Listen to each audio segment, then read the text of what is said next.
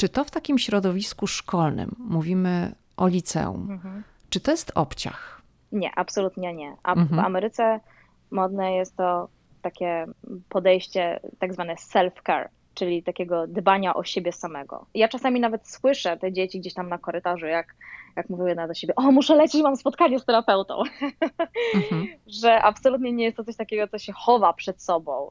Ta, taka stygma no, o tym mental health, czyli zdrowiu psychicznym w Ameryce jest no, dużo mniejsza niż w Polsce. W Ameryce myślę, że to jest bardziej na zasadzie takiej, że mogę się rozwinąć, ktoś mi może pomóc, może być lepiej, mogę mieć lepszą jakość życia, więc dlaczego nie? W dzisiejszym odcinku mój gość i ja rozmawiamy na temat zawodu psychologa i terapeuty w Stanach Zjednoczonych. Aleksandra Startek ukończyła studia psychologiczne i w Polsce, i w USA i dziś jest terapeutą w jednym z dystryktów szkolnych w Virginii. Moja rozmówczyni jest wsparciem dla licealistów. Oczywiście tych licealistów, którzy takiego wsparcia potrzebują, a obecnie w dobie pandemii młodzież szuka pomocy jeszcze bardziej niż przed.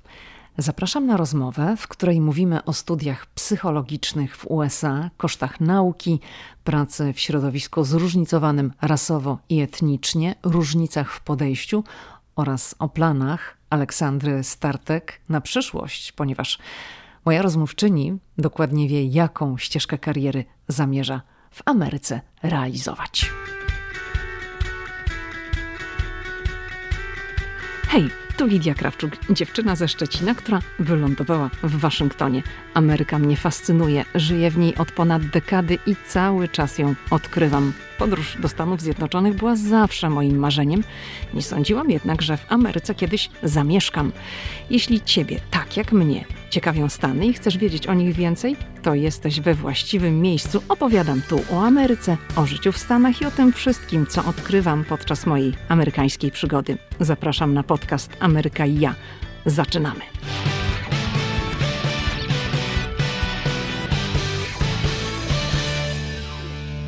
Cześć Ola.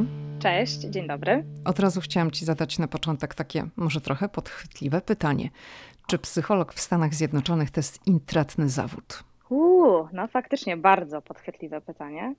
E, myślę, że po 10 latach pracy, nauki, szkoleń może być intratnym zawodem, aczkolwiek trzeba się przygotować na ciężką pracę i dużo, dużo, dużo lat, zanim się taki poziom osiągnie. To może zacznijmy od początku. Zacznijmy od tego, jak ty się w ogóle znalazłaś w Stanach Zjednoczonych. Ty jesteś tak jak mhm. ja, dziewczyna ze Szczecina, ale tak, my dokładnie. się ze Szczecina nie znamy. Tak naprawdę nie. to w ogóle się nie znamy. No, poznajemy się przy okazji nagrywania tego podcastu.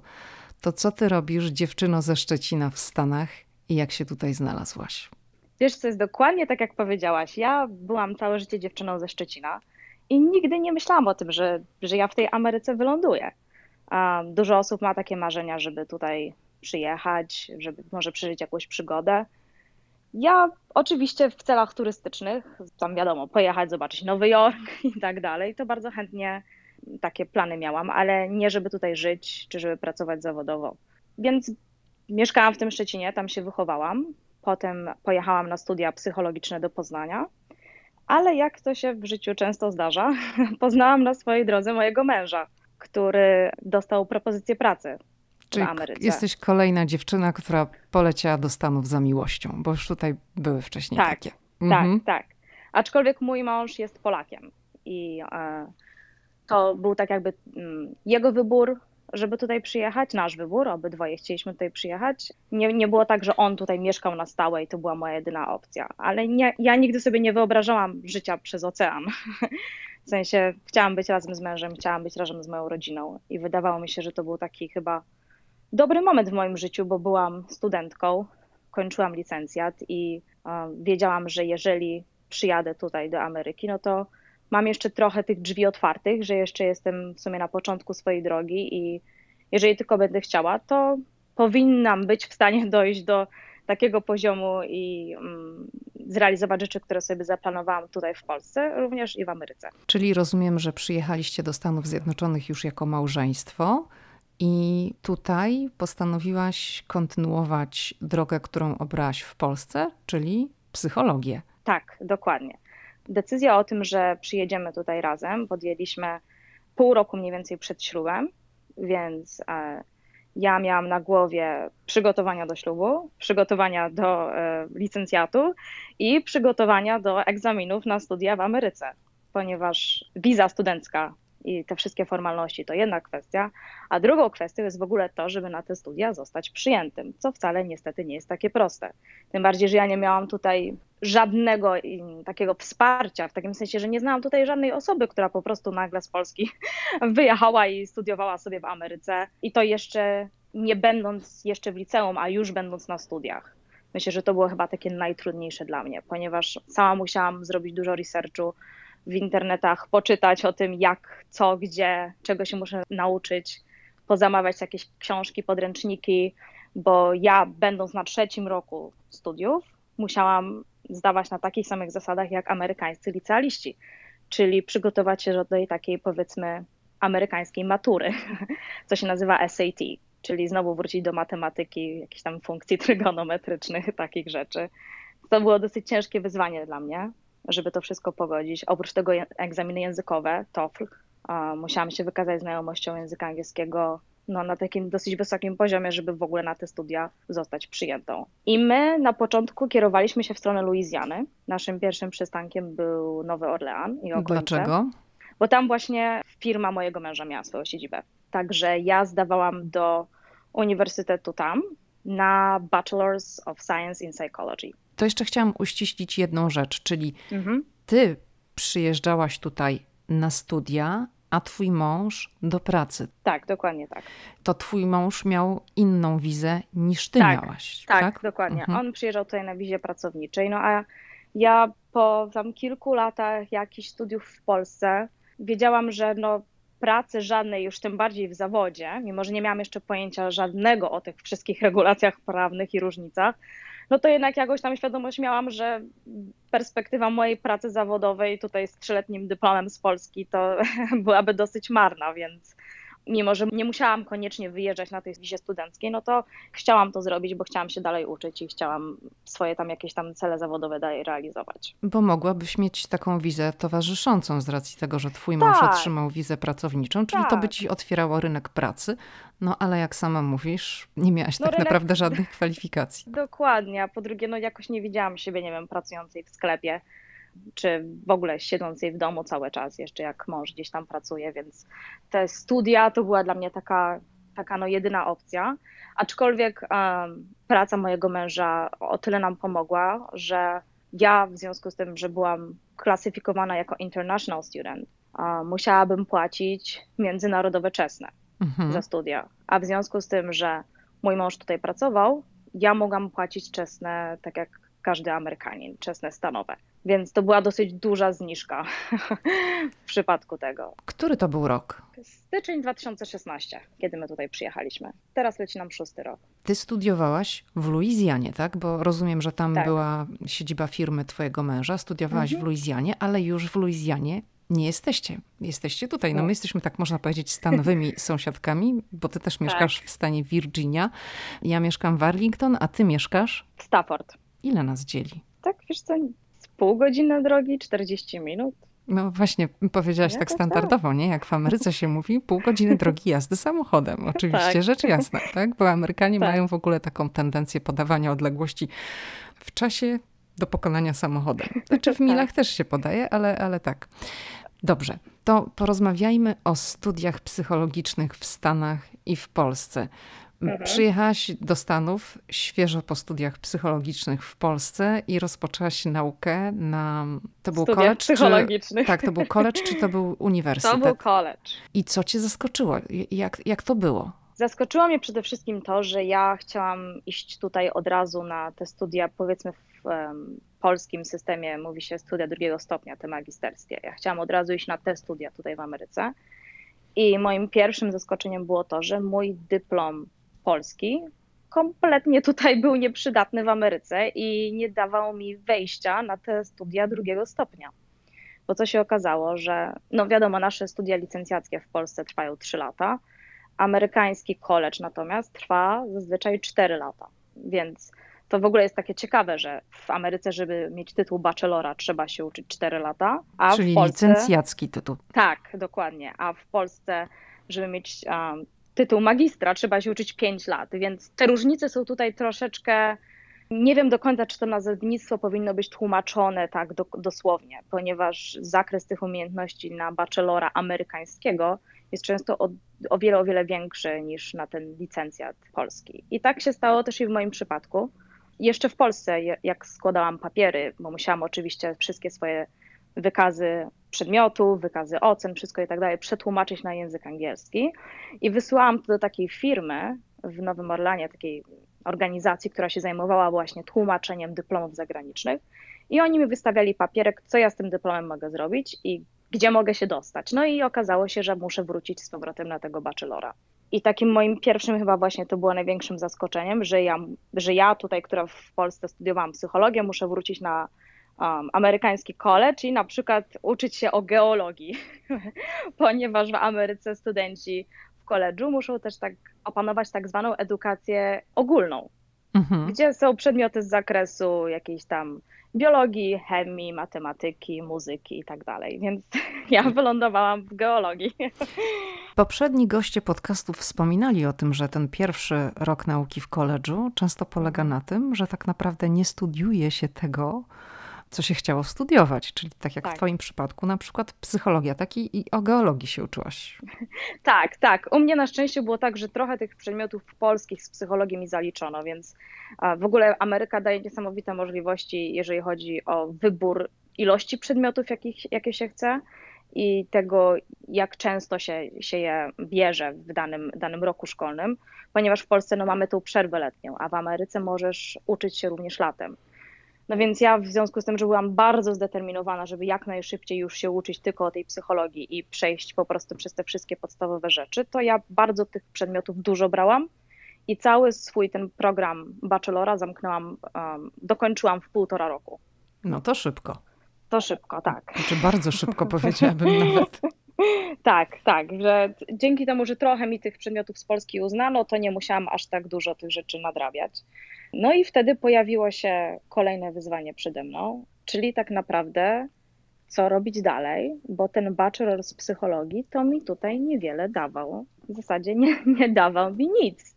A zatrzymajmy się jeszcze na chwilę mhm. na tych studiach psychologicznych, licencjackich, jak sama powiedziałaś, to znaczy jakbyśmy mogli porównać do tego systemu mhm. edukacji w Polsce, no może trochę niekoniecznie, bo jak wspomniałaś, tutaj są cztery lata, w Polsce są trzy. Mhm. Powiedz, czy ludzie bardzo przywiązują wagę do nauki, uczą się? Jakie były Twoje mm, obserwacje? Miałam tutaj Oj, w 81 tak. odcinku Martę Jagiełło-Golani, która skończyła prawo w Stanach Zjednoczonych, studiowała też mm. prawo w Polsce, a potem studiowała prawo w USA i porównywała podejście studentów do nauki. To tak. były dwa skrajne obrazy. Czy miałaś to samo tutaj w tak. Stanach, kiedy patrzyłaś, co działo się w Polsce, a co działo się na amerykańskiej uczelni. Tak, w stu procentach się z tym zgadzam. W stu procentach. W ogóle to podejście do studiów tego, że tutaj jest to traktowane w formie takiego przywileju, że jest to naprawdę coś niesamowitego, że, że można chodzić na te studia, że można się uczyć. Pamiętam taki obrazek, jak kończyły się zajęcia tak mniej więcej około 11 w południe i po prostu grupa ludzi wychodziła z budynku i jak jeden mąż, wszyscy się kierowali do biblioteki, mhm. żeby po prostu uczyć się dalej i no, w ogóle nie było czegoś takiego jak um, poprawki, tak? Nie ma czegoś takiego. To też był dla mnie szok w Ameryce, że to nie było poprawki. Średnia jest bardzo ważna. Oceny, oceny są naprawdę jedną z najważniejszych rzeczy tutaj dla studentów. Dostać tutaj kiepską ocenę, a kiepska ocena w systemie amerykańskim to jest takie powiedzmy 70%, to jest tragedia. Ja uczyłam się po prostu dzień i noc i no wiedziałam też o tym, że te oceny dla mnie to też jest przypustka potem do dalszej drogi, dalszego rozwoju, czy to będą studia graduate, czy to cokolwiek innego, ale wiedziałam, że te oceny no to jest taki, jak to się mówi w Ameryce, must have.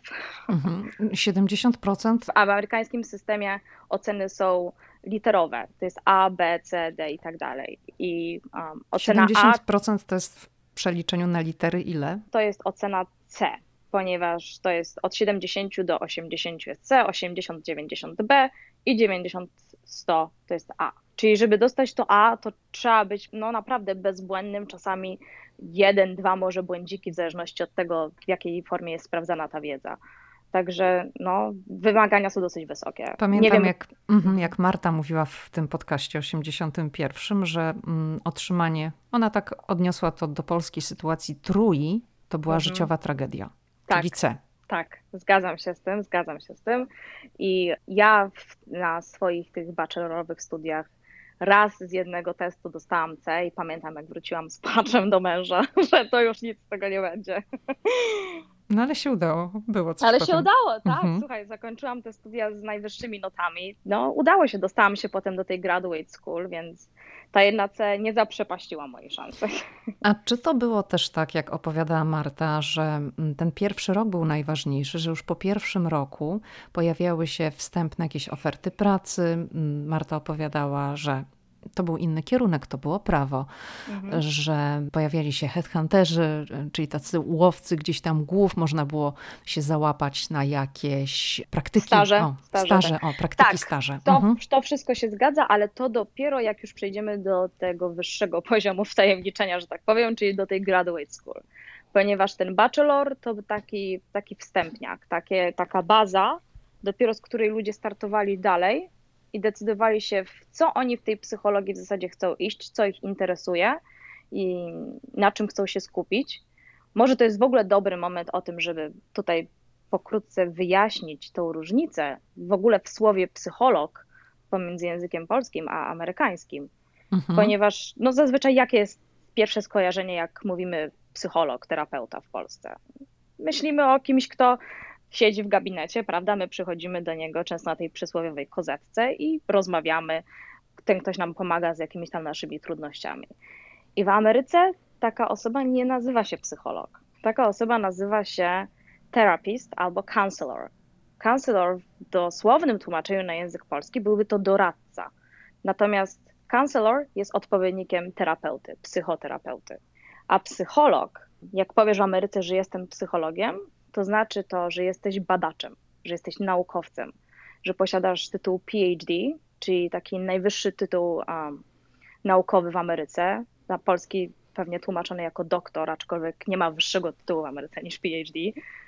Więc jeżeli mówisz, że jesteś psychologiem, to jesteś PhD, najczęściej pracujesz na uniwersytecie czy w jakichś ośrodkach badawczych, Często jak słyszymy na przykład, że jacyś naukowcy z Uniwersytetu w Stanford wynaleźli to i to, czy przeprowadzili takie i takie badania, to właśnie jest grupa takich psychologów, doktorantów, którzy zajmują się badaniem ludzkiego umysłu, zachowań, psychiki i tak dalej. W Polsce to najczęściej są takie informacje, niektórzy się już tam śmieją, że amerykańscy mm -hmm. naukowcy, bo tak. codziennie jest jakiś news, że amerykańscy tak. naukowcy coś tam orzekli, tak. stwierdzili, zbadali. No wiesz, tutaj oni mają nieograniczone fundusze. Co sobie nie wymyślisz, to możesz sobie to zbadać.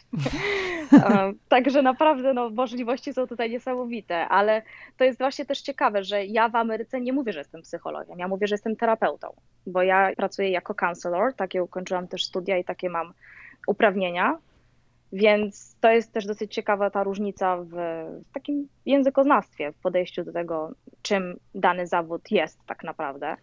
Więc jak kończysz tego bachelora z psychologii, no to masz kilka ścieżek do wyboru dalej, co robić. To jest też ciekawe i to też chyba pokazuje mm, różnicę pomiędzy systemem edukacji w Polsce a w Ameryce, ponieważ po bachelorze możesz, jeżeli oczywiście chcesz, czy masz już takie doświadczenie, jakieś tam rzeczy w tym swoim życiorysie badawcze do zaprezentowania, możesz aplikować już na PhD. Wcale nie potrzebujesz tych masters, czyli e, magistra. Także ja miałam jedną koleżankę, która kończąc bachelora z psychologii, dostała się od razu na PhD in psychology. Aczkolwiek ona, tak jak mówię, miała tam jakieś doświadczenie badawcze, więc była już po prostu na to przygotowana.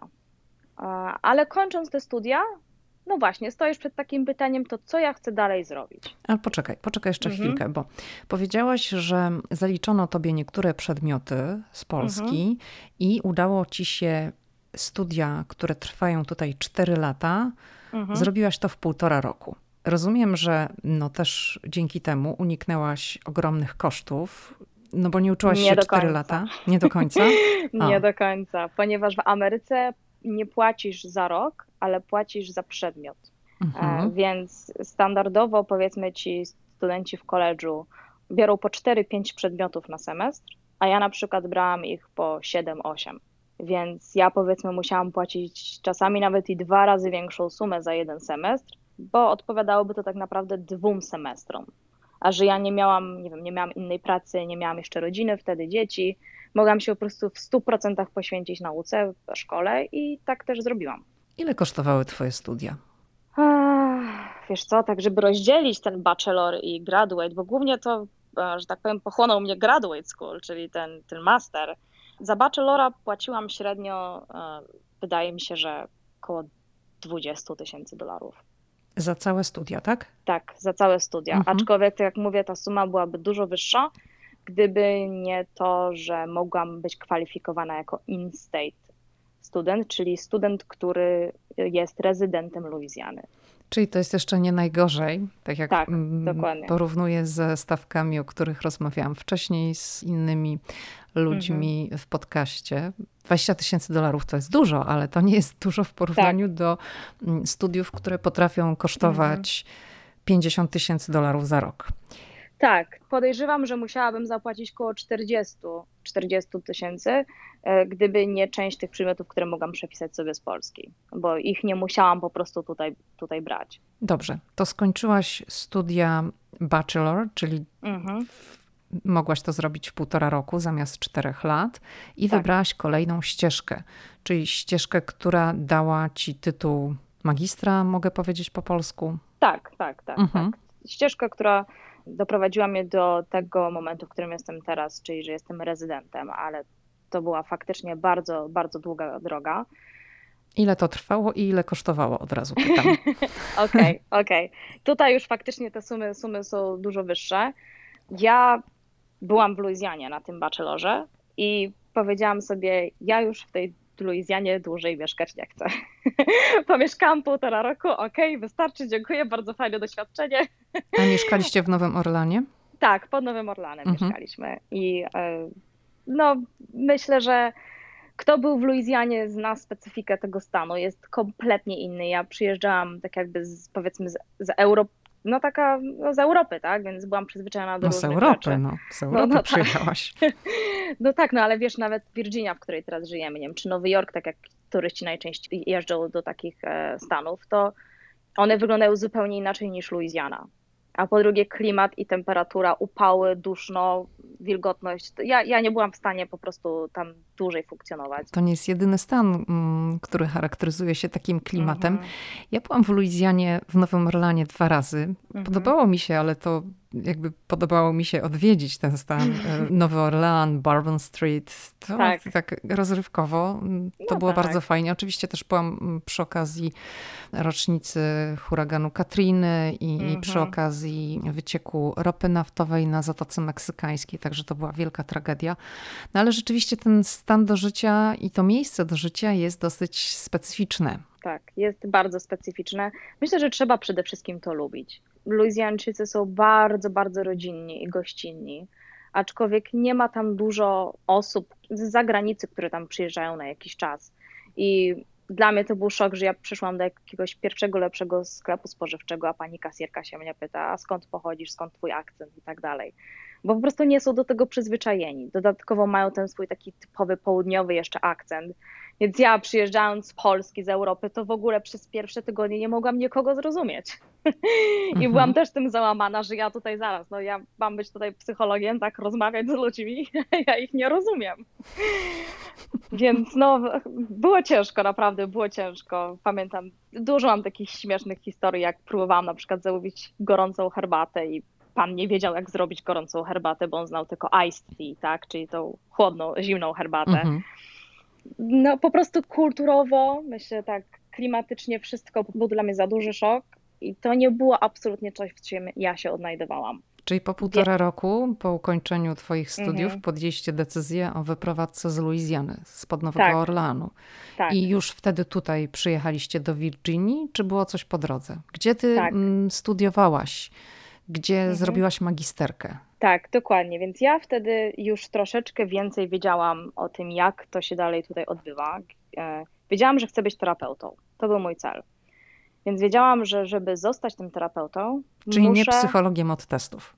Dokładnie, że chcę być terapeutą. Chcę, chcę po prostu pracować z ludźmi, um, docelowo mieć swój gabinet, ale po prostu prowadzić psychoterapię. Więc wyszukałam sobie też z pomocą, miałam, o właśnie, miałam już też pomoc tutaj na miejscu moich profesorów z, ze studiów, czy wiadomo, kolegów i tak dalej, osób, z którymi mogłam porozmawiać i dowiedzieć się, jak to wszystko działa, a nie tak jak ja byłam gdzieś tam w Polsce, w Szczecinie i googlowałam sobie pytania, jakie miałam. Więc e, wiedziałam, że muszę aplikować na studia magisterskie, które nazywają się Masters of Science in Clinical Mental Health Counseling czyli mówiąc po polsku, studia magisterskie z psychoterapii. Mhm. W Polsce działa to troszkę inaczej, ponieważ e, kończąc te studia pięcioletnie z psychologii, istnieją te szkoły podyplomowe. I istnieją szkoły podyplomowe psychoterapeutyczne w różnych nurtach, w zależności od tego, co kto lubi, z czym się utożsamia, może do takiej szkoły zaaplikować. Aczkolwiek no, pamiętam jeszcze za moich czasów i z tego, co rozmawiałam niedawno z moimi znajomymi psychologami w Polsce, no to niestety w Polsce no, nie ma żadnej ustawy o tym zawodzie terapeuty, nie ma żadnych przepisów regulujących, kto nim może zostać i ile, co, jakich, jakich godzin, jakich, jakich szkoleń, jakich kursów trzeba przejść tak właśnie słyszałam kiedyś takie bardzo fajne zdanie, że w polskim systemie prawnym wiemy, kim jest psychiatra, trochę wiemy, kim jest psycholog, ale jedynie zgadujemy, kim jest terapeuta. I myślę, że to może też mieć dosyć duży wpływ na dlaczego w Polsce dużo ludzi mm, jest niechętnych może do tej terapii, może się gdzieś sparzyło kiedyś, bo są ludzie, którzy ciężko pracują, mają te wszystkie szkolenia, szkoły, przechodzą, a ktoś jakiś certyfikat gdzieś zdobył i no nie każdy po prostu faktycznie jest sprawdzany, czy, czy tym profesjonalistą jest. Natomiast w Ameryce to wszystko jest bardzo regulowane. Nie dość, że jest regulowane na poziomie ogólnym całych stanów, to jeszcze każdy stan ma swoje osobne przypisy, regulacje i wymagania, które trzeba spełnić.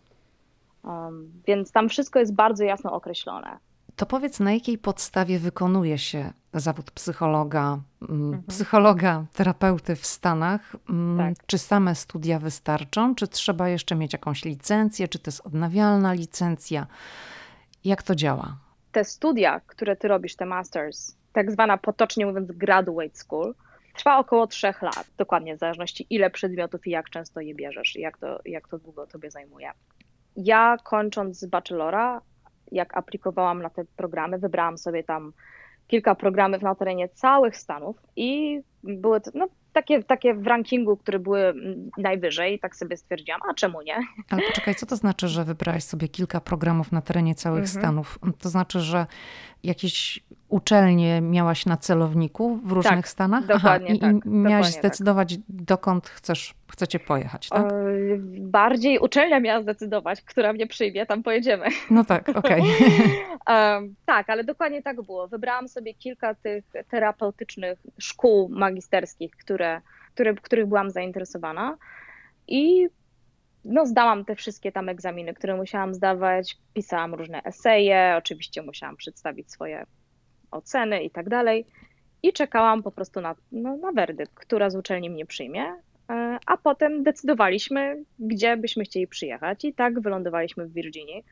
Tutaj zostałam zaakceptowana na ten program. Bardzo ważne jest, że programów jest bardzo dużo w całej Ameryce, ale ważne jest to, żeby to był program akredytowany czyli tak jakby, żeby spełniał no właśnie te wymogi stanowe, bo często się słyszy o ludziach, którzy kupę kasy zapłacili, kupę czasu stracili, a ich program wymogów nie spełnia i mają tam po prostu jeszcze dużo, dużo innych rzeczy, które, które muszą opanować czy przedstawić do tak zwanego boardu, czyli instytucji takiej stanowej, która zarządza certyfikatami i licencjami dla psychoterapeutów w danym stanie. Czyli wracając do pytania, na jakiej podstawie wykonuje się zawód? To jest licencja, certyfikat, co to jest? Tak. Więc zawód się wykonuje na. Mm, trzeba spełnić kilka wymagań. Pierwsze wymaganie to trzeba skończyć ten program magisterski, tą szkołę terapeutyczną, która musi być zaakceptowana przez tą organizację i która musi zaakceptowana, to znaczy, że ona spełnia konkretne normy godzinowe, przedmiotowe i tak dalej. Drugi, drugi element to jest odbycie dwóch semestrów, e, nie, przepraszam, jednego semestru praktyk i całego semestru stażu rocznego. Następnie to jest podobnie trochę jak w Polsce zawód lekarza. Zaczynamy rezydenturę i rezydentura różni się w zależności od stanu. Ile godzin trzeba wyrobić? Jeden na jeden godzin z klientem, godzin z pacjentem, udokumentowanych. Kolejnym punktem jest udokumentowana superwizja, czyli spotkania z bardziej doświadczonym terapeutą, którym pracujemy nad naszą pracą. Czyli ja poddaję swoją pracę, swoją pracę, czyli moje spotkania z klientami, omawiam je z kimś innym, bardziej doświadczonym, kto mi może powiedzieć, czy idę w dobrą stronę, dać jakieś wskazówki i tak dalej. Wszystkie te punkty plus egzamin stanowy, National Certified Counselor, ja już ten egzamin zdałam, i jeszcze jeden egzamin, w zależności też od licencji, i na koniec jest licencja. Także Uf. droga długa jest skomplikowana. To dokładnie. jeszcze nie powiedziałaś o tych kosztach, jakie wiążą się z uzyskaniem mhm. tytułu magistra. Koszty są takie, że mm, jeden rok kosztuje około 10 tysięcy dolarów. Do tego ważne jest, no tak, więc ważne jest to, że te, sta, te studia to nie są studia weekendowe. To nie jest coś takiego, że ja mogę sobie no, pracować w tygodniu, a weekendami po prostu jeździć na tak zwane zjazdy, jak to jest w Polsce. Studia zaczynają się zazwyczaj około 16 codziennie, więc teoretycznie jakąś tam pracę możesz przez ten pierwszy rok wykonywać, bo studia zaczynają się około 16 i trwają w zależności od tego, ile masz zajęć danego dnia, do 19 albo 22. Ile to trwa lat? 3 lata. Mhm. Natomiast potem wchodzą ci już te tak zwane zajęcia kliniczne. Najpierw obserwacja, czyli chodzisz do różnych miejsc i obserwujesz po prostu innych terapeutów. To się dzieje za dnia, potem masz praktyki, potem masz roczny staż. I w trakcie tego wszystkiego jeszcze masz superwizję, za co płacisz wczesnym. Więc no tak myślę, że te trzy lata to takie jest koło 30-50 tysięcy, w zależności też od tego, czy jesteś rezydentem, czy nie jesteś rezydentem danego stanu, a rezydenturę danego stanu można uzyskać dopiero po roku przebywania w danym stanie, płacenia podatków, bycia zarejestrowanym i tak. Więc jest to 3 lata studiów i kosztów tych studiów, następnie około 2-3 lat rezydentury. Ja jestem w tym momencie, w, no tak, w połowie tej rezydentury. Zdania egzaminów. Egzaminy to jest koszt około tam powiedzmy 500-600 dolarów. Superwizji, bo za każde spotkanie z superwizorem musisz zapłacić ze swojej kieszeni. A takich superwizji, na przykład w stanie Virginia, trzeba odbyć 200 w czasie tej rezydentury. W ogóle te różnice godzinowe są bardzo ciekawe, ponieważ Virginia wymaga 4000 godzin, z czego 2000 godzin musi być terapii jeden na jeden z klientem, a na przykład taka South Dakota, czy jakiś tam inny stan, tylko 800. Więc w innym stanie już bym tą licencję mogła uzyskać, natomiast w Virginii jeszcze troszeczkę mi brakuje. A powiedz, czy, bo powiedziałaś, że jesteś mniej więcej w połowie rezydentury, mhm. Ale to oznacza, że wykonujesz zawód, może powinnam tak. powiedzieć psychoterapeuty, to będzie takie chyba najlepsze określenie, mm, tak, tak, takie tak, na, na, granicy Polski i Stanów Zjednoczonych, bo już nam wcześniej wyjaśniłaś, na czym polega różnica. Mhm.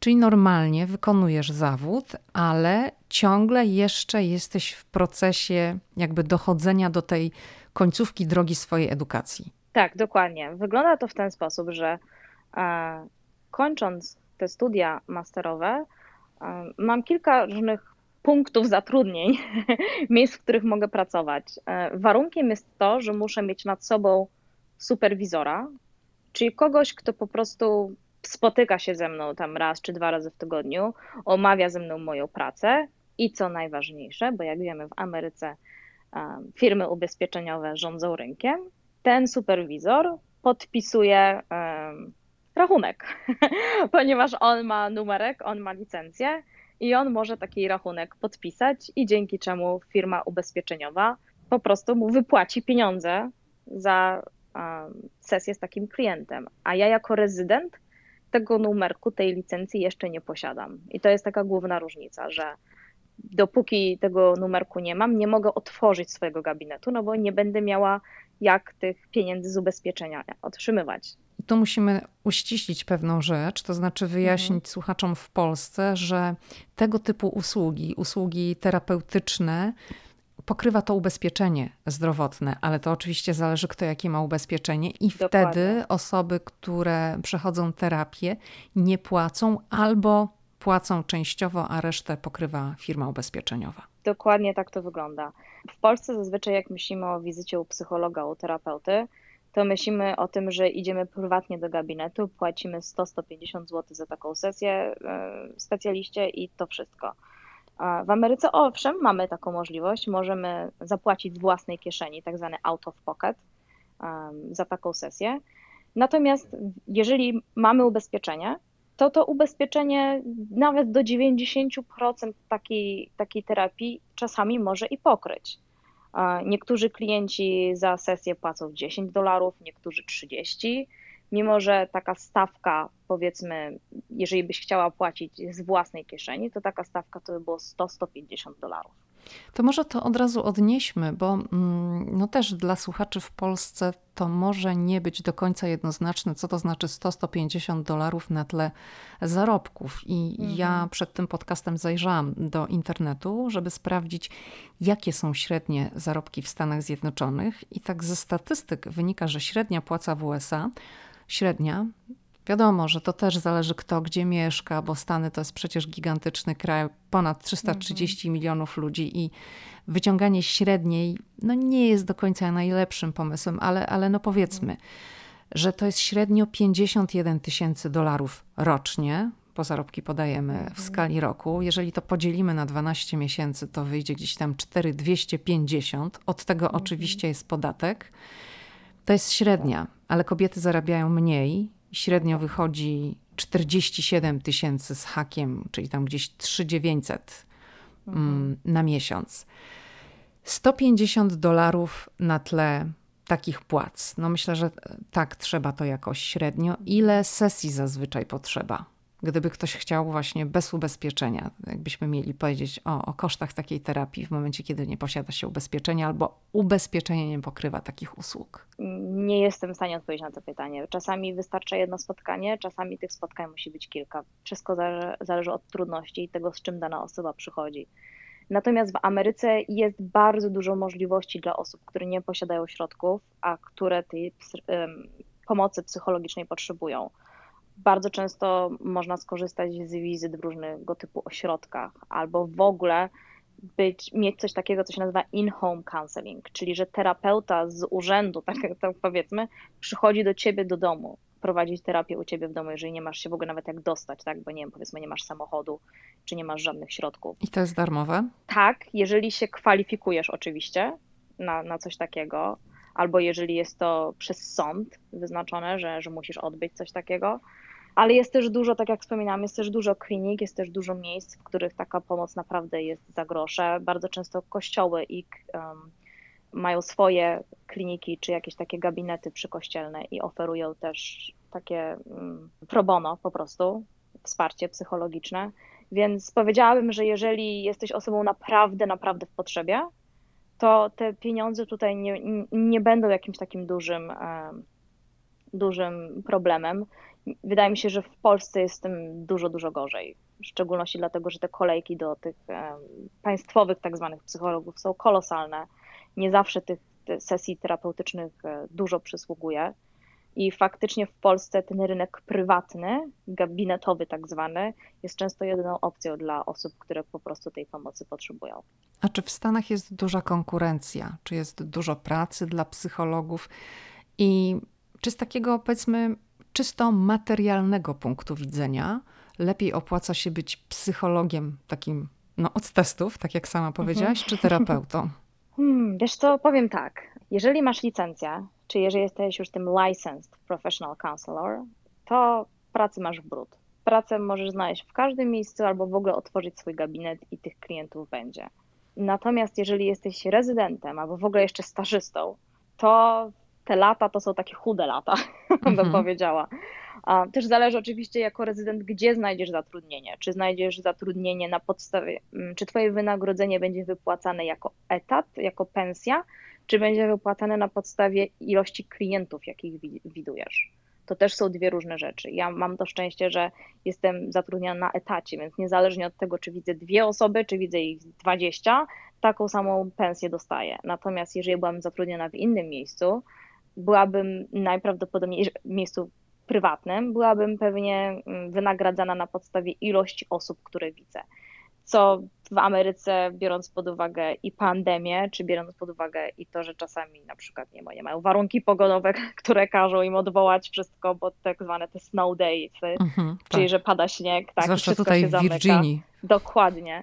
To przecież ja mam znajomych, którzy na przykład trzy dni po prostu nie mogli w ogóle pracować, bo wszystko było pozamykane. Więc no, to, to wszystko zależy od tego, gdzie pracujesz i czy jesteś zatrudniona prywatnie, czy państwowo, rządowo. Um, ale rozumiem, ale... że jak mhm. już się ma uprawnienia, to na brak pracy się nie narzeka. Tak, tak, jak najbardziej. Um, tych um, chętnych jest dużo więcej niż bym powiedziała terapeutów i to raczej jest rynek terapeuty niż tutaj rynek e, osób, które tej pomocy potrzebują, ponieważ terapeuci mają dowolność, kiedy chcą być dostępni, w jakich godzinach, jak często w tygodniu i to, jest, jest w porządku, tak podsumowując. Ola, to powiedz nam trochę teraz o Twojej pracy. Czym się zajmujesz? Gdzie pracujesz? Tak jak już powiedziałam, ja jestem w języku angielskim, mój tytuł aktualnie brzmi Licensed Resident in Counseling, to znaczy, że uzyskałam licencję jako rezydent i mogę prawnie w stanie Virginia wykonywać zawód terapeuty jako rezydent terapeuta. Czyli tak jak myślę, tak jak najlepiej chyba porównać taki lekarz rezydent w Polsce, bo to podejrzewam, że podobna jest dosyć ścieżka. Jestem zatrudniona przez dystrykt szkolny, ponieważ w Ameryce szkoły są no, w różnych dystryktach, tak, e, w zależności od stanu. I jestem zatrudniona jako mental health counselor dla tego dystryktu, czyli po prostu jako psychoterapeuta. I mój gabinet znajduje się na terenie kampusów szkolnych. Także jest to w ogóle coś świetnego, wydaje mi się, jak tak sobie myślę o, o w ogóle na przykład o polskim systemie edukacji i o polskich szkołach, ponieważ e, moja obecność pozwala dzieciom i młodzieży w każdej chwili skorzystać z usług terapeutycznych za darmo. Czy ty prostu... jesteś mm, takim psychologiem szkolnym dla jednej szkoły, czy dla iluś szkół, które znajdują się w danym dystrykcie? Przede wszystkim nie nazwałabym tego psychologiem szkolnym, ponieważ na to też trzeba skończyć inną szkołę w Ameryce. O, okay. Jeżeli jesteś psychologiem szkolnym, to jesteś school psychologist. Także tak jak mówię, tutaj każdy zawód. Ale w Polsce byśmy to nazwali psycholog szkolny, prawda? Nie wiem, czy psycholog szkolny zajmuje się dokładnie takimi rzeczami, jakimi ja się zajmuję. Z tego, co ja pamiętam, jak byłam w szkole, to panią psycholog może widziałam dwa czy trzy razy w roku dwa razy na korytarzu, a raz jak przyszła do nas do klasy jakąś tam pogadankę o papierosach zrobić. Okay. tak, także y, takie, takie jest moje wspomnienie z panią psycholog ze szkoły, albo w ogóle jak się mówiło, że ktoś chodzi do psychologa, znaczy, że coś przeskrobał, prawda? Takie panowało, no takie, takie, takie panowało zdanie na temat pani psycholog w szkole, tak, że o, ktoś jest niegrzeczny, czy jakieś tam ma problemy, powiedzmy. Trzeba go do psychologa wysłać. Dokładnie, mhm. dokładnie tak. W Polsce chyba bardziej popularne są takie poradnie psychologiczne, pedagogiczne, tak mi się wydaje. Ale Dla dzieci tak i młodzieży, tak, jest coś tak, takiego. dokładnie, mhm. dokładnie. Ale tam to wiadomo, że rodzice muszą cię zawieść, czy zapisać, czy coś, no trzeba to się umówić, są terminy i tak dalej. A do ciebie e... dzieci same mogą się zgłaszać, tak? tak? Jeżeli mają, i, mm, czyli ty jesteś no, takim terapeutą, terapeuta, tak? Tak? dokładnie, tak, terapeuta szkolny, o. Myślę, o, że dobrze. To, to Jesteś terapeutą szkolnym dla jednej szkoły, czy dla kilku szkół w dystrykcie? W tej chwili dla jednej szkoły, aczkolwiek to się może zmienić w zależności od zapotrzebowania. No i jak to działa? Działa to tak, że ja mam swój gabinet, jak już mówiłam, na terenie tego dystryktu szkolnego, kampusu i, i w zasadzie ja nie jestem jedyna, ponieważ to też w ogóle pokazuje skalę tego. W naszej szkole, w naszym dystrykcie jest tych gabinetów kilka, i ja pracuję chociażby z czterema innymi osobami i wszyscy jesteśmy od rana do popołudnia po prostu zapełnieni. Działa to w taki sposób, że młodzież, ponieważ ja mm, pracuję teraz dla y, high school, czyli dla, no, dla liceum, młodzież w każdej chwili może do mnie przyjść, niezależnie od tego, czy jest to jakaś jednorazowa kwestia, interwencja jakaś, doraźna pomoc psychologiczna, czy jakaś dłuższa terminowa psychoterapia czasami też i terapia jakaś rodzinna, jakieś wsparcie nie tylko dla samego ucznia, samego jednego klienta, ale też dla systemu, czyli dla rodziny albo dla rodzeństwa i tak dalej. mogą do mnie przyjść i po prostu z tej pomocy skorzystać bez tych ubezpieczeń wszystkich, bez zapisywania się, dzwonienia i tak dalej. I czy ja przychodzą? również mam taką. Czy tak, przychodzą? Oj, przychodzą mhm. bardzo. Oczywiście teraz w pandemii jest troszkę inaczej. A jak jest w pandemii? W pandemii jest tak, że bo ja działam wtedy, kiedy szkoły są otwarte. Więc jeżeli szkoła jest zamknięta, to ja działam w internecie. Mhm. I, I można się umówić prostu... z Tobą na taką sesję dokładnie, internetową? Mhm. Dokładnie tak. Ja mam kalendarz i po prostu młodzież może kliknąć dowolny termin, który jest dostępny oczywiście i taka sesja odbywa się przez Zooma. Więc jeżeli szkoła jest zamknięta, ja jestem czynna, powiem to w taki sposób, w sensie, że no ja wciąż muszę być do dyspozycji, tylko że jeżeli no nie ma dzieci fizycznie na kampusie, no to nie mogą fizycznie do mnie do tego gabinetu przyjść. Chociaż zdarzyło się mi parę wyjątków, jeżeli były to sytuacje powiedzmy kryzysowe, czy takie no, mm, zagrażające nie życiu czy zdrowiu, że faktycznie osobiście się z tymi osobami spotkałam, ale z reguły było to wszystko, wszystko przez internet. I one mogą do mnie przyjść tak jakby z własnej woli, mogą czasami zostać wysłane przez rodzica czy przez nauczyciela, albo ja mogę po, tak jakby zaprosić je do siebie na wizytę, jeżeli wydaje mi się, że byłoby to potrzebne. Generalnie mogą przyjść kiedy chcą i przychodzą i no jest, ręce mamy pełne roboty, szczególnie tutaj w pandemii jest bardzo, bardzo dużo problemów, z którymi trzeba no trzeba tutaj młodzieży pomóc, bo Jakie ta to izolacja, są problemy?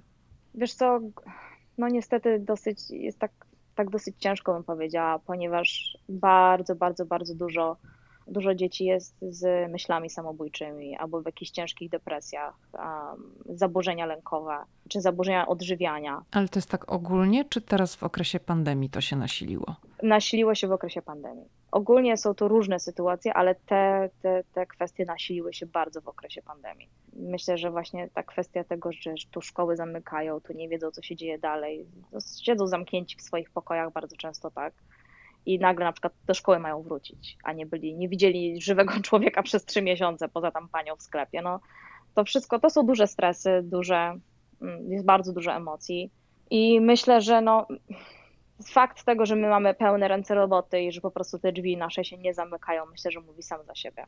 A powiedz, mm, jakie jest podejście do korzystania z tego typu usług, zrobienia takiego kroku, że pójdę do terapeuty szkolnego. Czy to w takim środowisku szkolnym, mówimy o liceum, mhm. czy to jest obciach? Absolutnie. Absolutnie wręcz bym powiedziała jako taki powód do dumy, powód mhm. takiego. Mm, w Ameryce bardzo Czyli absolutnie nie. Teraz, nie, absolutnie nie. A mhm. w Ameryce modne jest to takie mm, podejście tak zwane self-care, czyli takiego dbania o siebie samego. I jest to coś fajnego, że, że, ja czasami nawet słyszę te dzieci gdzieś tam na korytarzu, jak, jak mówią jedna do siebie, o muszę lecieć, mam spotkanie z terapeutą. Mhm. że absolutnie nie jest to coś takiego, co się chowa przed sobą. Czyli dzieci, młodzież otwarcie o tym rozmawia. To, tak. to nie jest nic złego, że ktoś potem będzie wytykać palcami, absolutnie. o on chodzi do psychologa, to ma jakiś problem. Absolutnie, absolutnie mhm. nie, nic takiego właśnie w drugą stronę. Myślę, myślę że w ogóle ten, ta taka stygma o tym mental health, czyli zdrowiu psychicznym w Ameryce jest no, dużo mniejsza niż w Polsce. Zmienia się, wiadomo, że się zmienia, ale panuje takie myślenie, że no coś, coś musi być nie tak, skoro ty, ty potrzebujesz takiej pomocy psychologicznej. Natomiast w Ameryce myślę, że to jest bardziej na zasadzie takiej, że mogę się rozwinąć, ktoś mi może pomóc, może być lepiej, mogę mieć lepszą jakość życia, więc dlaczego nie? Jak pracuje się w takim środowisku zróżnicowanym rasowo i etnicznie? Bo spodziewam się, że tutaj też pojawiają się problemy z tym związane i młodzież chyba też zgłasza się z tego typu kwestiami do ciebie. Hmm. No tak, tak. To był dla mnie w ogóle dosyć duży tutaj szok, ponieważ e, no ja przyjechałam z Polski i o tych problemach takich etnicznych, rasowych i tak dalej, no w ogóle nie słyszałam, ponieważ w Polsce mm, jesteśmy inną kulturą, mamy mm, no, no, inną historię przede wszystkim i u nas takie rzeczy, jakie w Ameryce się nie działy, działy się inne rzeczy oczywiście. Więc no powiedzmy ja... otwarcie, że jak chodziło się do szkoły, jak ja chodziłam do szkoły, to wszyscy mhm. wyglądali tak samo, tak? To Dokładnie. wszyscy byli biali. 99% wszyscy tacy sami w Polsce, tak? Mhm. A, taka sama, kolor skóry, narodowość, etniczność, religia, wszystko takie same, tak? 99%. Natomiast no w Ameryce tutaj jest, jest bardzo różnorodnie. I myślę, że jestem tutaj bardzo wdzięczna mojej szkole, która myślę, że mnie do tego świetnie przygotowała, bo do jednymi z obowiązkowych zajęć, jakie miałam, to było właśnie terapia tutaj właśnie klientów zróżnicowanych pod kątem kulturowo-socjologicznym i tak dalej. Jeżeli miałabym tak powiedzieć na co dzień, jak to się pracuje, to w momencie, w którym przychodzi do mnie taki klient, to moim głównym zadaniem jest sprawić, żeby ta osoba czuła się akceptowana, żeby czuła się rozumiana, żeby chciała ze mną rozmawiać, żeby chciała się przede mną otworzyć. I dla każdej osoby wygląda to inaczej. Czasami ktoś potrzebuje się ze mną podzielić jakimiś właśnie nawet takimi doświadczeniami związanymi ze swoją historią. Potrzebuje zrozumieć, że ja to rozumiem. A czasami, powiem szczerze, są niektóre osoby, którym po prostu jest to obojętnie. Przychodzą, mają jakąś tam kwestię, z którą tą przychodzą konkretną, to chcą załatwić i tyle. Dla mnie największym problemem chyba była kwestia w ogóle na początku różnych akcentów i różnego sposobu mówienia, czy używania jakichś różnych słów, czy zwrotów, których ja po prostu nie rozumiałam, bo były one specyficzne dla danej kultury. To wiadomo, no, praktyka um, i czas też robi swoje, aczkolwiek no szczerze muszę przyznać, że czasami do tej pory zdarzają mi się sytuacje, w których po prostu nie rozumiem. I co wtedy robisz? Um, Powiem tak, maseczki działają na moją korzyść, ponieważ czasami mogę zrzucić na maseczkę, że nie zrozumiałam i proszę o powtórzenie. Mhm. Ale myślę, że w moim zawodzie bardzo ważne jest to, żeby po prostu być szczerym i czasami po prostu tłumaczę, że wiesz, że po prostu no, nie rozumiem. Czy możesz mi po prostu wytłumaczyć, czy możesz mi pomóc zrozumieć? I dużo osób na to bardzo dobrze reaguje w zasadzie wszyscy chyba nie spotkałam się z sytuacją, żeby ktoś, żeby ktoś jakoś tutaj się poruszył, poczuł dotknięty czy coś takiego. No tak od razu sobie pomyślałam, że to jest szczerość za szczerość, prawda? Tak, dokładnie, dokładnie mhm. tak. Aczkolwiek, no właśnie, no jest, jest duże to zróżnicowanie. Trzeba, myślę, że trzeba mieć trochę takiej wiedzy na temat jakiejś tam kultury w minimalnym stopniu, żeby czy jakieś gafy nie palnąć, czy żeby tam, no po prostu zrozumieć to, co ci ludzie mówią. A zdarzały ci się mm, takie gafy? No na szczęście mi się nie zdarzyły, aczkolwiek słyszałam, słyszałam o takich, takich sytuacjach nawet tam moich kolegów czy koleżanek z roku, więc... To daj nam przykład, żebyśmy wiedzieli, jakiego rodzaju to są gafy. To, co mi teraz przychodzi do głowy, to, mm, to była kwestia odnośnie mm, terapii osoby czarnoskórej. I e, no, czarnoskóre osoby mają różne ciekawe fryzury. I no właśnie ktoś tam zrobił jakiś komentarz a propos tej fryzury, który był po prostu nie na miejscu. To już podchodzi wtedy pod takie zachowania rasistowskie. No właśnie, nawet może mhm. podejść czasami pod te zachowania rasistowskie, więc no, trzeba być ostrożnym. No to są bardzo czułe rzeczy tutaj w Stanach, mhm. zresztą to się też powiedziałabym uwypukliło w tej mhm. chwili bardzo i co kiedyś było uznawane za coś normalnego, tak jak malowanie twarzy na czarno jeszcze Oj. 30 lat temu, 40, gdzieś przy okazji na przykład Halloween, co dawałam mhm. taki przykład w niedawnym podcaście. Nie uchodziło to wówczas za działania rasistowskie, teraz jest to niedopuszczalne. Tak, absolutnie. Tak samo jak właśnie jakieś stroje, że przebierają się dzieci za Indian na te bale halloweenowe i tak dalej. No nie, nie wolno po prostu robić sobie żartów czy przebrań z stroju innych kultur. Mhm. Masz jeszcze jakieś inne przykłady? Dużo, dużo takich gaw może dotyczyć związków, czy to partnerskich, czy jakichś małżeńskich i tak dalej, ponieważ no, każdy z nas ma jakieś swoje własne przekonania, jakieś swoje własne wyobrażenia i jeżeli no, nie pracujemy nad nimi na bieżąco, i nie chcemy, nie chcemy poznać innych kultur czy różnych zachowań, no to te, te nasze przekonania tam gdzieś, gdzieś tam w nas są i wychodzą w takich różnych momentach. I też pamiętam jeden z moich e, znajomych ze studiów przeprowadził całą sesję terapeutyczną na temat e, relacji swojego klienta z partnerem tego klienta i dopiero pod koniec tej sesji nawet nie wiem, czy już nie po tym, jak ten klient wyszedł, zorientował się o tym, że ten partner był innej płci niż on zakładał w głowie. Um, także to też było dosyć ciekawe, bo on wszystkie jakieś tam interwencje czy jakieś rzeczy, które miał w głowie, no to mówił i stosował z, z, z, jakimś tam zamysłem tego, co on miał w głowie, a okazało się, że sytuacja była zupełnie inna i po prostu się nie zrozumieli. Ola, powiedziałaś wcześniej, że ty chciałabyś w przyszłości mieć swój gabinet. Mhm. I powiedz, czy to jest możliwe tutaj w Stanach, tak jak w Polsce, żeby łączyć etat z gabinetem, który ma się gdzieś tam po godzinach?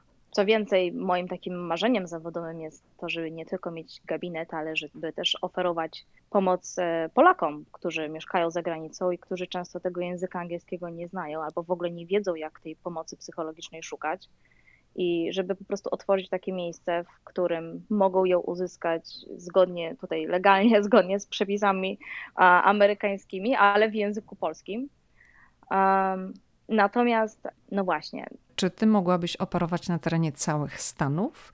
Czy są jakieś ograniczenia? Czy to mogły być usługi tylko dla Polaków, którzy mieszkają na terenie stanu Virginia? Czy mogłabyś korzystać z mhm. systemu internetowego i to byłyby takie konsultacje online? Tak, dokładnie, więc te, ta pandemia wbrew pozorom nam otworzyła tutaj bardzo dużo możliwości, ponieważ telehealth w Ameryce, czyli ta medycyna taka internetowa, telefonowa i tak dalej, um, rozwinęła się tutaj niesamowicie. Niesamowicie i. Ja ci tak ja powiem, na... wiesz mhm. co, szybko, że ostatnio dostałam e-maila że mogę sobie zbadać wzrok, uwaga, wzrok przez internet, o. bo dostałam ofertę, żeby odnowić receptę, bo soczewki kontaktowe w Stanach są na receptę, mhm, mhm. że nie muszę nawet iść do lekarza, że możemy to zrobić przez internet, przez kamerę. I było dla mnie to takie, że co? No, że dokładnie. jak? No, no tak, dokładnie. normalnie zaproponowano mi, że możemy ten cały proces przejść przez internet, że nie muszę iść do gabinetu, jest pandemia, do okulisty, mogą mi sprawdzić i wysłać mi. Oczywiście ja mam soczewki, mhm. więc to była kwestia, czy byłyby te same, czy może trzeba by było mhm. dobrać inne. Ale była taka oferta. No bardzo tak. mnie to zdziwiło, to, to przed pandemią było niemożliwe. No ale tak, to tylko tak. taka dygresja, bo powiedziałaś, że właśnie mm, mhm. pandemia otworzyła nowe, nowe drzwi. Tak, tak, dokładnie tak.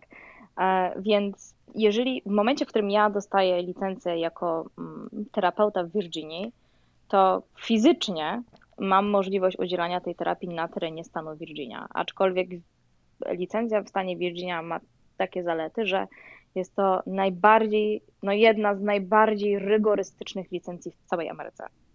Więc w momencie, w którym ja uzyskuję tę licencję w Virginii, będzie mi bardzo prosto, to jest najprawdopodobniej tylko kwestia formalna w większości stanów, być, mieć również licencję w innych stanach. Natomiast gdybym licencjonowała się w stanie takim jak na przykład South Dakota, to bym musiała jeszcze spędzić z rok, dwa, zanim by mi tą licencję przyznali również i w Virginii. Także to jest ten plus e, tego robienia tego całego procesu w stanie, w którym wymaga największej ilości godzin.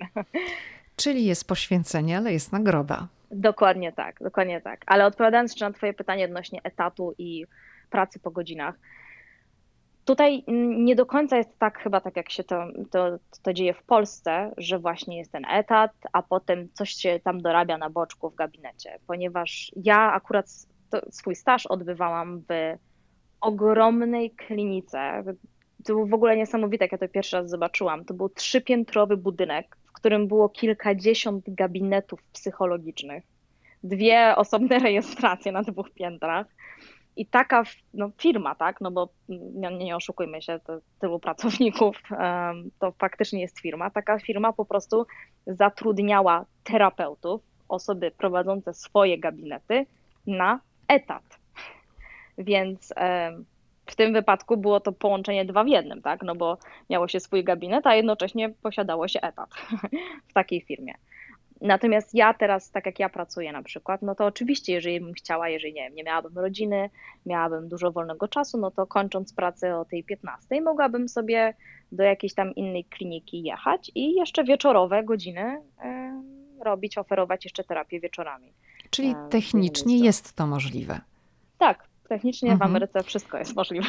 Nie, wiesz, ja pytam dlatego, że tutaj w grę wchodzi również cały system ubezpieczeń zdrowotnych. I mhm. w Polsce w gabinecie prywatnym, to jeżeli ktoś prowadzi mały gabinet, czy psychologiczny, czy lekarski, jakikolwiek, to jest w stanie teoretycznie radzić sobie samodzielnie. Mhm. Czyli być równocześnie recepcjonistą, kasować i przyjmować pacjenta czy klienta.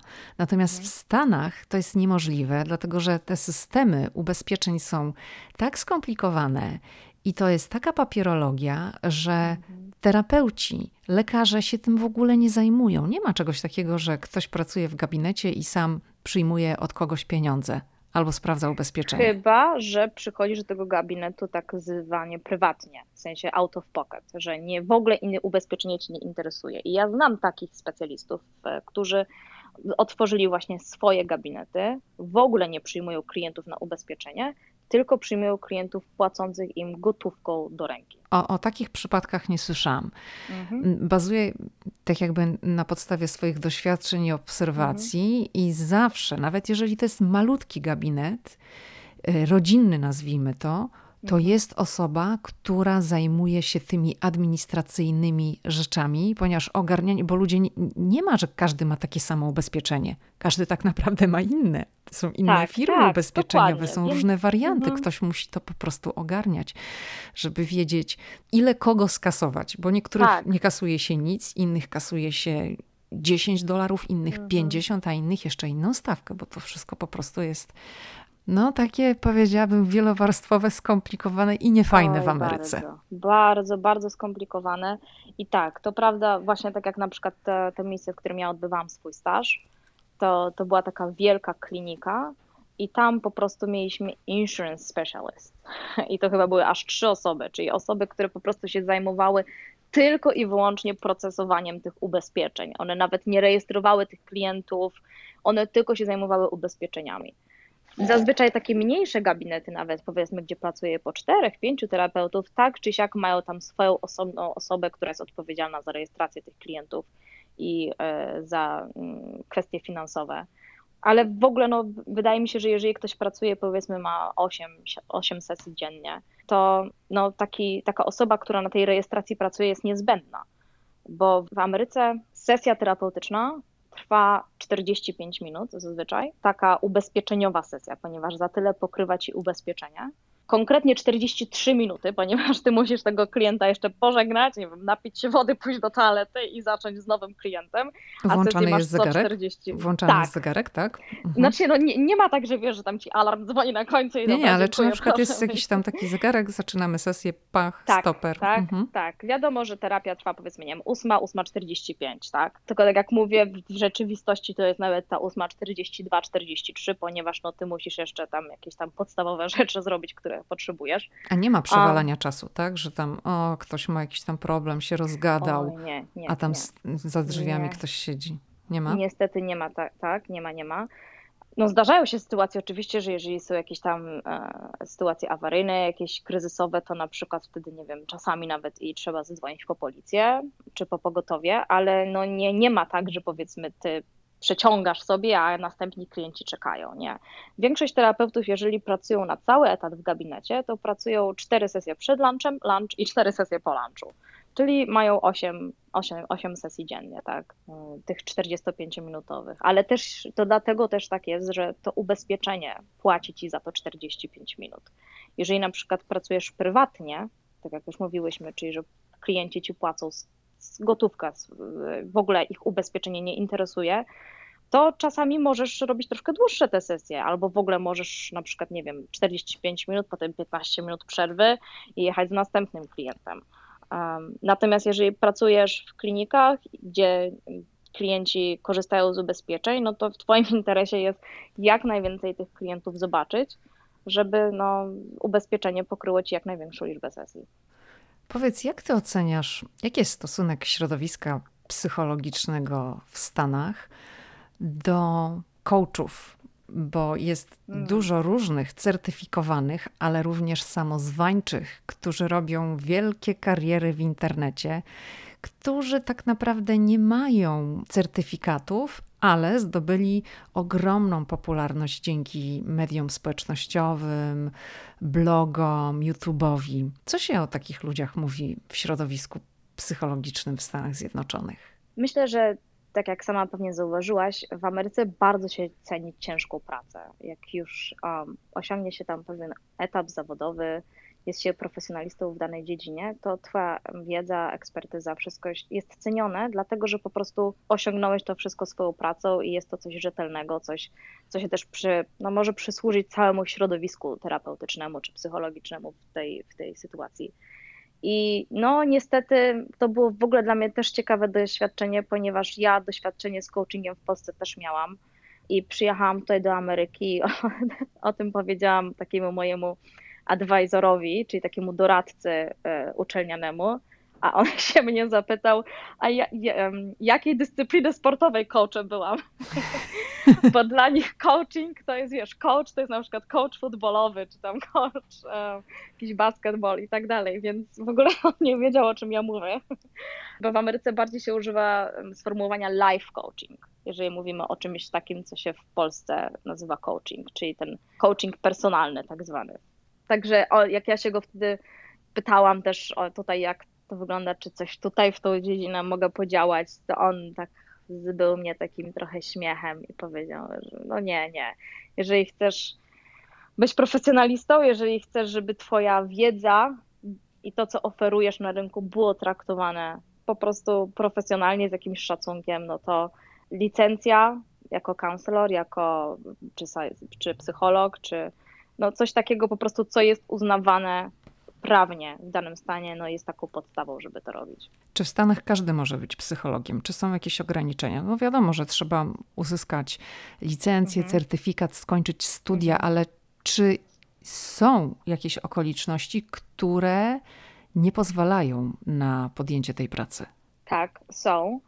W szczególności, jeżeli masz zamiar udzielać, prowadzić terapię z dziećmi i młodzieżą ponieważ ja, żeby móc pracować w tym miejscu, w którym pracuję, musiałam przejść tak zwany background check, czyli um, jak to przetłumaczyć na polski? Um, no takie sprawdzono cię bardzo dokładnie. Dokładnie, taki, taką moją przeszłość kryminalną, można mhm. powiedzieć. Um, czy tam nie mam jakichś zarzutów, czy nie wiem, czy nie byłam kiedyś o coś oskarżona. A powiedz Szczegól... tak od razu, mm, zapytam, czy mm, to sprawdza się również w Polsce, no bo w Stanach to się, jak ktoś jest obywatelem amerykańskim, przeżył tutaj całe życie, no to jest łatwe do sprawdzenia. To jest pukanie do sąsiadów, mhm. czasem to sięga bardzo głęboko, gdzieś tam do poprzednich adresów, ale jak tak. to się robi w twoim przypadku? To w moim przypadku było tak samo, w sensie, że po prostu ja aplikowałam o ten background check tak samo, jak aplikują o niego Amerykanie i no sprawdzili to, co mogli. Aha, czyli jakby do Polski nie sięgają, tak? Nie, znaczy ja przyjeżdżając tutaj e, z Polski do Ameryki, przywiozłam ze sobą coś takiego, co dostałam w jednym z chyba z sądów, zaświadczenie o niekaralności. Mhm, okay. I coś takiego mm, przetłumaczono mi i wrzuciłam to do tego systemu więc może to tak jakby używają jako tą moją część e, pokrywającą moje życie w Polsce. A to było no, wymagane, czy po prostu zrobiłaś to z Ja to zrobiłam, wiesz, mhm. ja to zrobiłam na wszelki wypadek, właśnie dokładnie tak jak mówisz, że nie wiedziałam, no jak oni te ocenią wszystkie 20 lat mojego życia, tak, jeżeli no, jestem tu w Ameryce dwa lata, bo ja musiałam już zaaplikować o ten background check jeszcze na studiach. Nie byłabym w stanie w ogóle rozpocząć żadnego stażu czy praktyki, gdybym nie miała tego background check. Więc no niestety osoby, które tam miały jakieś przeszłości czy sądowe, jakieś tam sprawy kryminalne, czy jakieś zarzuty, czy coś, no to mogą tej, tej, tej pracy nie dostać, ponieważ nie zostaną zaaplikowane na praktyki, nie zostaną zaakceptowane na praktyki i na staż, no a to jest jednym z wymagań, żeby takie studia skończyć. To ile zostało Ci jeszcze tej rezydentury do zrobienia? I rok czasu. Za rok otwierasz gabinet? Takie są plany. Y, zobaczymy tutaj, jak jeszcze y, różne kwestie rodzinne mi na to pozwolą, ale no na pewno w bardzo niedalekiej przyszłości chciałabym już taki y, gabinet otworzyć. Raz, że, że gdzieś tam mi to leży na sercu, tak czuję, że taki, chciałabym taki tutaj coś tak, tak zrobić dla, dla osób z Polski, ponieważ mam też kontakt z Polonią, z jakimiś, z, z różnymi osobami, które żyją tutaj, czy to jakieś osoby wojskowe, czy to y, osoby, mm, bo na przykład ona jest Polką, a on jest Amerykaninem, czy w ogóle ktoś, kto tutaj przyjechał za pracą, powiedzmy, i widzę, z jakimi trudnościami ci ludzie się borykają, jak często ten szok kulturowy jest dla nich ciężki, ponieważ są tutaj sami, nie znają czasami języka, nie mają się do kogo zwrócić. I myślę, że, że coś takiego jest bardzo, bardzo potrzebne, szczególnie jeżeli mogłoby być to oferowane w języku polskim. Zatem życzę Ci, Ola, spełnienia marzeń, mm, byś mogła podążać tą ścieżką kariery, którą sobie obrałaś. No i dziękuję Ci bardzo za rozmowę. Dziękuję bardzo, dziękuję za zaproszenie. To tyle w dzisiejszym odcinku. Słyszymy się tradycyjnie w kolejny wtorek. Do usłyszenia.